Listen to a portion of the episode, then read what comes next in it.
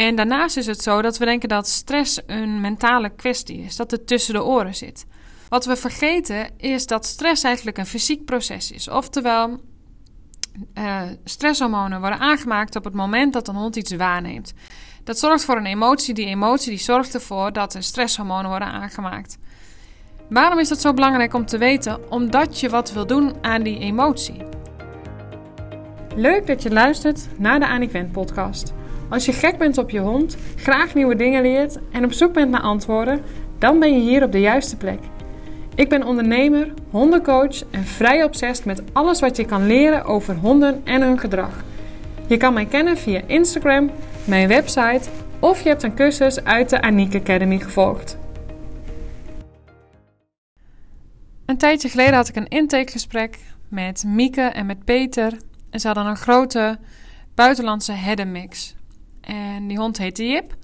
En Jip die kon uitvallen naar andere honden. En dat is eigenlijk ineens ontstaan. Jip had wel wat hulpvragen, ook in het verleden wel. En ze hadden Jip op latere leeftijd gekregen.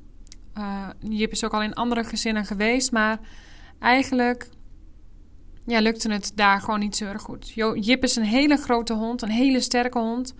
En ehm, ja, dat uh, had zo wat complicaties opgeleverd door de tijd heen. Nou, Jip kon eerder wel met honden, schijnt.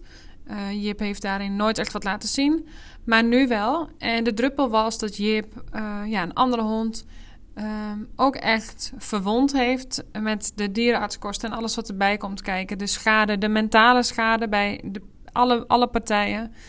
Dus toen werd ik ingeschakeld. Jip die... Ehm, eh, ja, we, hadden een intakegesprek uh, in het gebied waar ze veel wandelden. Dat is de, de, manier waarop ik het vaak aanga. Omdat ik dan letterlijk kan zien wat er gebeurt. Ik kan inschatten uh, ja, waar de mensen zitten...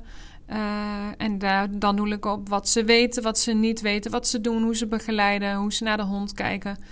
En ik kan heel erg kijken wat de hond nodig heeft. En Jip, die was, uh, we liepen op de Soesterduinen. Voor de mensen die dat niet kennen, je kunt uh, in het bos eromheen lopen, maar het is in feite een grote zandbak. en Jip was ontzettend gestrest. Hij was heel veel aan het huigen, hij was aan het piepen. Je kon eigenlijk helemaal niet stilstaan. Jip kon continu gaan graven. En dat kon hij ook doen door um, het echt als communicatiesignaal in te zetten. En wat mij betreft in dit, in dit geval uh, hè, van mij communicatie. Omdat hij bijvoorbeeld iets zag op afstand. En um, ja, vervolgens ging hij heel hard hijgen. Echt overmatig. Hè, dat je echt... Uh, ja, dat het bijna een beetje uit context was. Dat je dacht, nou, oké. En uh, gewoon dat hij in één keer ging graven. Nou, dat graven, dat lijkt dan allemaal normaal. En graven, dan zou je kunnen denken, ja, het is een zandbak. En uh, het is er gewoon uh, hondsgedrag. Nou, voor mij is dat dus niet zo. Ik denk dat zowel het graven als alle andere dingen die Jip, Jip liet zien... dat die heel erg gingen over dat Jip iets te vertellen heeft. Daar kom ik meteen bij een ander puntje. En dat is ook precies waarom die online trainingen is. Want de conclusie is, Jip, wat hij laat zien op dat moment qua, uh, gedrag, qua signalen, qua hoe hij zich voelt, is dat je zou kunnen zeggen: de hond heeft stress. Alleen de vraag is altijd: wat is dat dan, hè? Stress. Dus altijd een beetje uh, ook een negatieve lading, als in dat we dan denken dat een hond helemaal niet lekker in zijn vel zit. En, en dat is natuurlijk ook zo. Hè? Als je stress hebt, dan zit je vaak minder lekker in je vel. Maar het is zoveel genuanceerder dan dat. En daarnaast is het zo dat we denken dat stress een mentale kwestie is, dat het tussen de oren zit. Nou, wat we vergeten, en daarom ook dat ik net op deze manier begon. Wat we vergeten is dat stress eigenlijk een fysiek proces is. Oftewel, uh, stresshormonen worden aangemaakt op het moment dat een hond iets waarneemt. Dat zorgt voor een emotie. Die emotie die zorgt ervoor dat er stresshormonen worden aangemaakt. Waarom is dat zo belangrijk om te weten? Omdat je wat wil doen aan die emotie. Jip, die voelde van alles, die nam van alles waar, die had een bepaalde emotie bij het zien van andere honden. Bij het zien van andere honden raakte hij gestrest. Want dat is een automatisch gevolg, dat fysieke proces. Zijn hartslag ging uh, sneller kloppen. Zien we niet, maar dat gebeurt ongetwijfeld. Um, je ziet dat zijn pupillen vergroten. Hij gaat um, ik zit even te kijken naar signalen die ik kan waarnemen. Hij is overmatig aan het hijgen of gewoon überhaupt aan het hijgen. Hij kon soms uh, uh, daardoor ook in gedrag andere dingen gaan laten zien. Bijvoorbeeld het graven. Maar wat we ons heel vaak niet realiseren is dat dat allemaal een gevolg is op wat de hond voelt, ervaart, welke emotie eronder ligt. Waarom is dit belangrijk om te weten? Omdat je aan de slag wil met de emotie. Dat is precies waar deze online training over gaat. Dus je kunt eigenlijk op verschillende manieren naar stress kijken. Stressreductie is heel erg belangrijk. Ik denk dat het een belangrijk onderdeel is op het moment dat je aan de slag wil met de gedragsproblemen van je hond. En toch zie je wel te vaak dat het daarover gaat. Hond overprikkeld, je moet stress verminderen. Nou, daar kun je al ontzettend veel over kletsen. Want wat is dat dan, stress verminderen? En wat is stress eigenlijk? En ook wel, wat ga je dan doen? Hè? Want je hebt heel veel standaard adviezen. Ja, je moet minder doen met je hond. Ja, wat is dat dan minder? En wat houdt dat dan in? En betekent dat dan dat iedereen minder moet doen? Maar meer doen is ook niet altijd de oplossing. En waarom deel ik dit met je? Omdat de eerste stap die we hebben gedaan is Jip uit die situatie halen, in dit geval. We zijn aan de slag gegaan om de emotie uh, richting andere honden te veranderen. Want doordat we die gingen veranderen, konden we gemakkelijker uh, gaan trainen. Zo konden we langzaamaan iets wat negatief was positief maken. Zo zijn we ook langzaamaan ook gaan werken aan stressreductie. Want dat is een belangrijk onderdeel. Dat, dat staat en valt eigenlijk met elkaar. Hè? Uh, hoe beter die emotie wordt, hoe minder vol zijn emmertje zal gaan lopen. Maar het was al een tijdje aanwezig. Dus er moest um, essentieel iets uit dat stressemmertje om een beter niveau te gaan krijgen. Dat betere niveau in dat stressemmertje heeft ervoor gezorgd dat, of zorgt er in het algemeen ook voor, dat een hond meer benaderbaar wordt. Maar die emotie veranderen is ook heel belangrijk.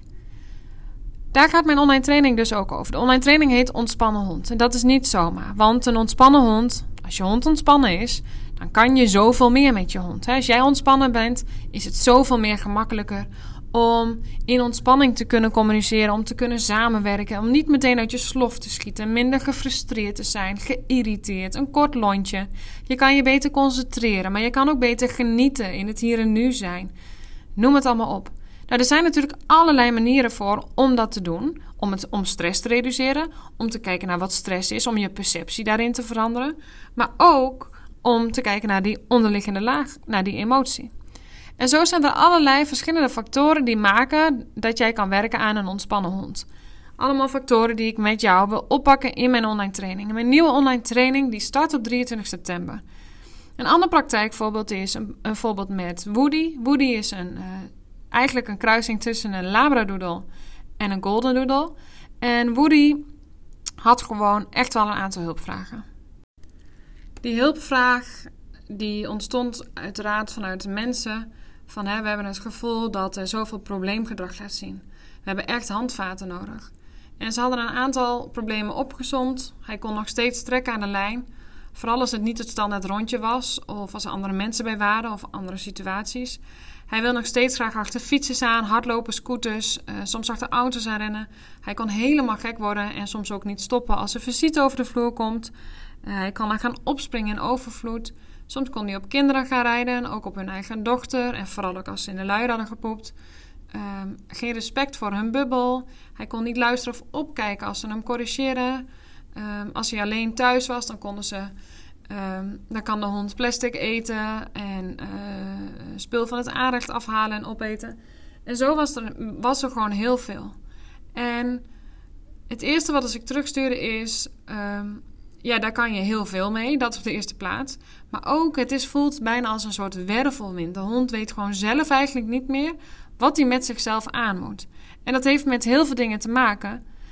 Waaronder, waardoor ontstaat dit gedrag. Maar het heeft ook te maken met stress reduceren. En stress reduceren, dat gaat over meer dan je moet minder doen met je hond. Of je moet alleen dit doen. Dat is een totaalplaatje. Dat is een totaalpakket. Je gaat kijken, je gaat allemaal puzzelstukjes bij elkaar pakken. En die ga je bij elkaar leggen, zodat je voor jouw hond inderdaad onder andere kan werken naar nou ja, de oorzaak van het gedrag, de emotie die eronder zit, maar ook andere factoren die een rol spelen bij uh, het gedrag van honden. Als wel ook stress reduceren bijvoorbeeld. En in het geval van Woody kwam daar ook nog iets heel anders bij. Bijvoorbeeld, sommige dingen waren gewoon niet goed aangeleerd. Dus dan heb je het gewoon te maken met hoe train ik mijn hond? Welke vaardigheden leer ik wanneer aan? En hoe zit dat? En wanneer beloon ik en wanneer bekrachtig ik wel of niet? En als ik nee zeg, weet de hond dan ook wat wel de bedoeling is. En zo kun je daar nog uren over doorgaan.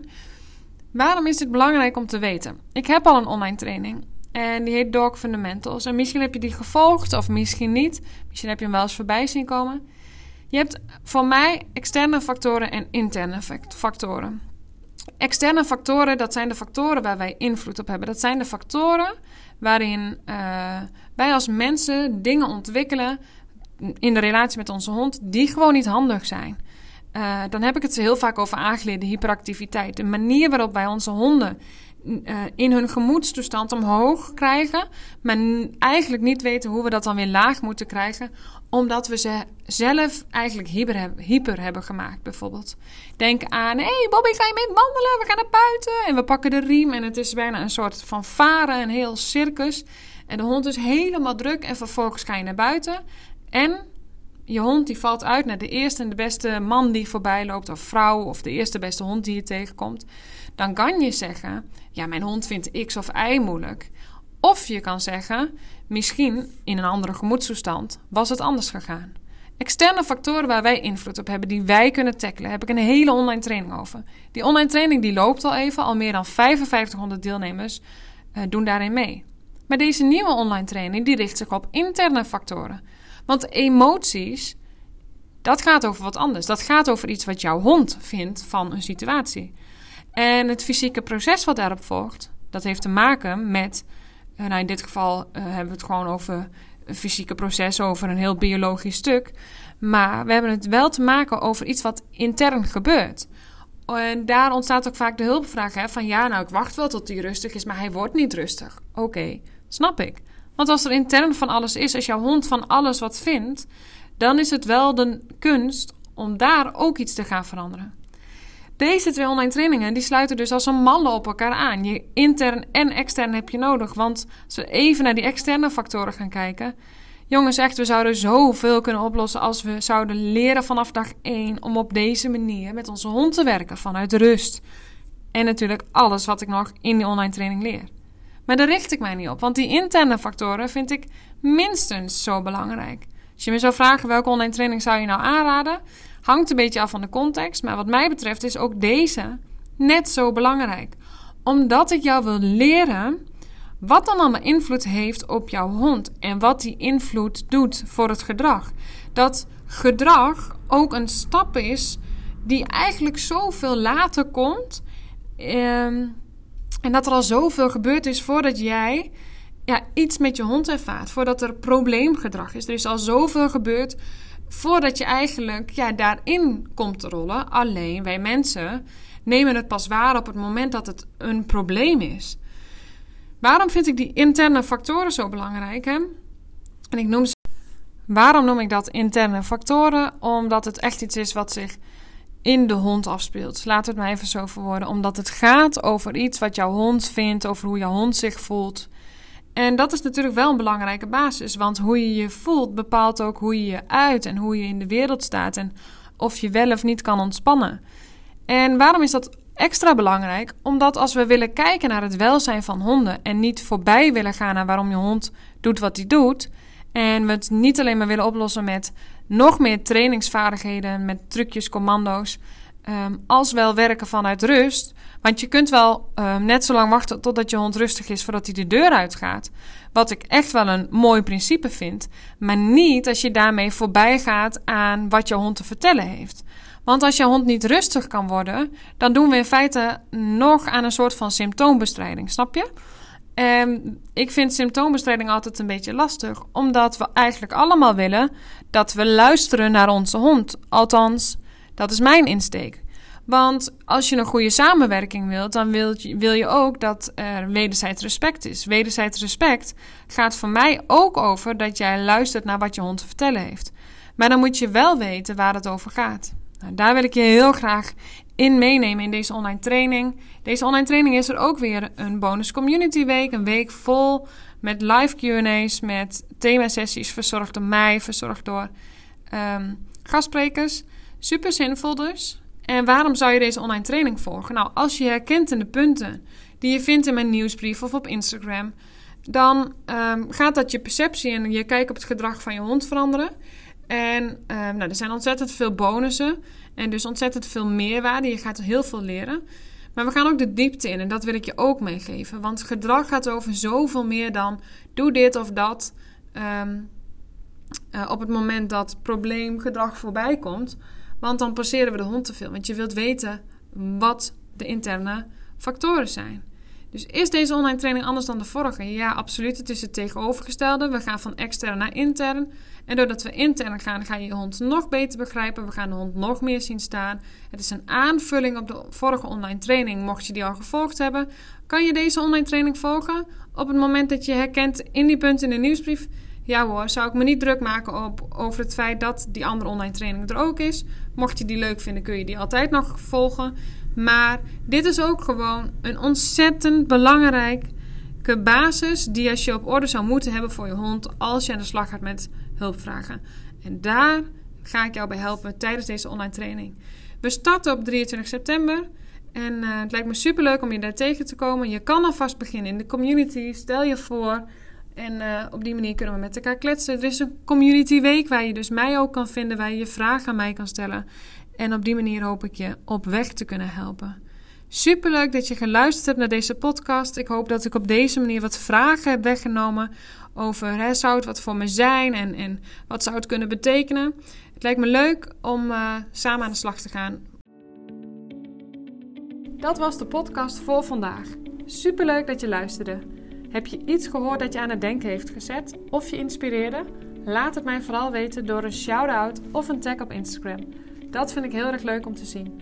En als je meer wilt weten over mijn cursussen, kijk dan even bij de show notes voor de link naar de website. Er is altijd een masterclass of cursus die gelijk te volgen is. En anders zie ik je in een van mijn andere podcasts of op Instagram. Doei en dankjewel.